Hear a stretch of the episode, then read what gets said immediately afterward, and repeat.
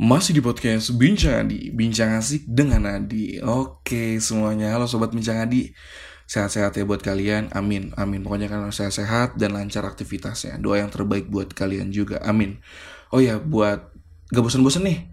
Gue gak bosan-bosan buat ngingatin buat teman-teman bincang adi atau yang mau kenal gue lebih dalam atau kalian mau curhat langsung aja bisa kalian uh, apa nama curahkan di Google Form gitu. Linknya ada di bio bincang adi kayak gitu.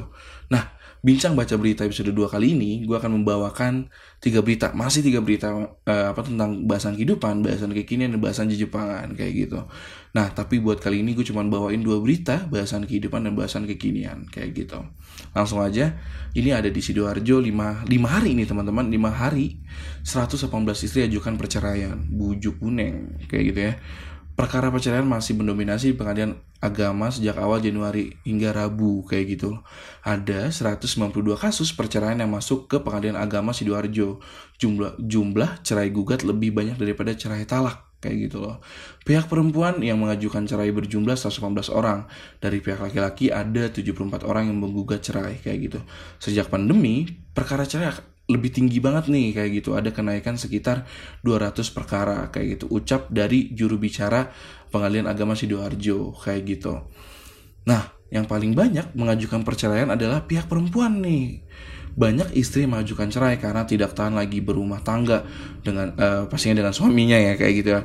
Faktor ada banyak faktor nih. Ada faktor ketidakcocokan terus juga ada ekonomi juga menjadi salah satu alasannya Uh, terus juga terlebih lagi saat pandemi tidak sedikit warga yang kehilangan pekerjaan, pendapatan berkurang hingga usaha yang tidak uh, tidak lancar kayak gitu. Akibatnya mereka sulit memenuhi kebutuhan sehari-hari dan itu adalah beberapa uh, faktor yang uh, banyak diajukan oleh dari perempuan kayak gitu untuk apa namanya cerai seperti itu. Nah memang sih pas pandemi datang banyak banget yang terkena dampak dari bidang mana pun semuanya kena kayak gitu ya.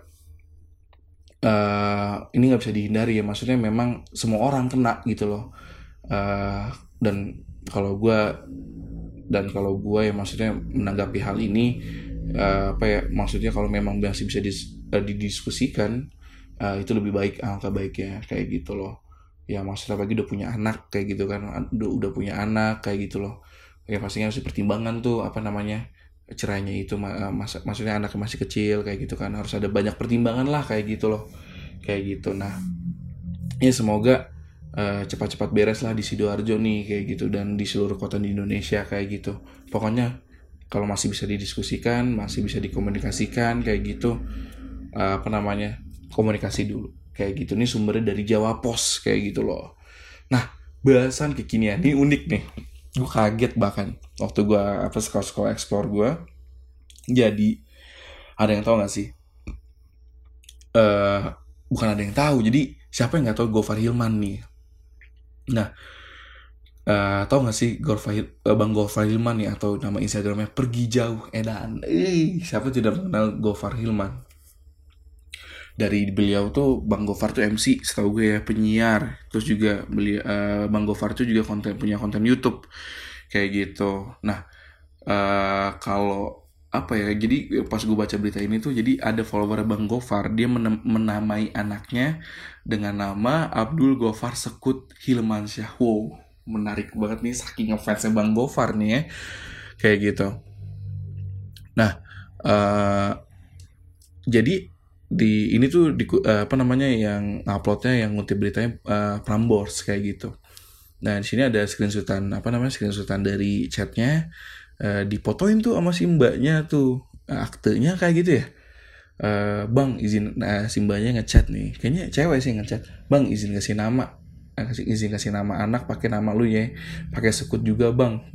Terus jawaban bang Gopar wow ah gila terharu katanya terharu banget kayak gitu jadi bener-bener ini ngefans banget. Bahkan uh, apa namanya sampai ada sekut ya bro. Kayak gitu. Berarti dia kan dia apa namanya dia tuh ngikutin Bang Gofar banget dari konten-konten mungkin mungkin yang ada ngobam kayak gitu. Ada ngolos ngobrak sekut FM dan lain dan lain lain sebagainya kayak gitu.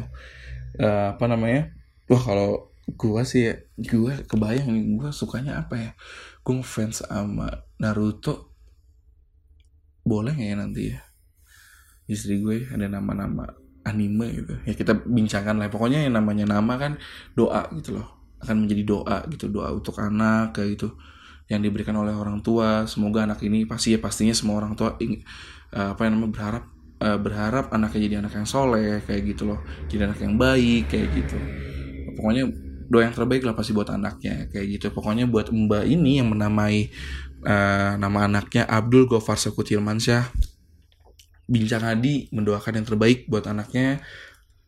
Sehat-sehat buat anaknya buat suami mbak buat buat mbaknya juga kayak gitu. Menarik banget gak sih?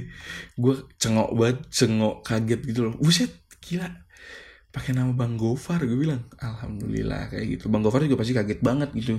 Bahkan dikutip sini dikutip juga Bang Gofar sampai terharu banget kayak gitu. Itu aja sih dua berita buat menemani episode dua kali ini. Uh, thank you banget buat teman-teman terus dengerin bincang Adi kayak gitu di Spotify pastinya. Gue Adi pamit undur diri sehat selalu buat sobat bincang Adi. Salam sekut ya. Asik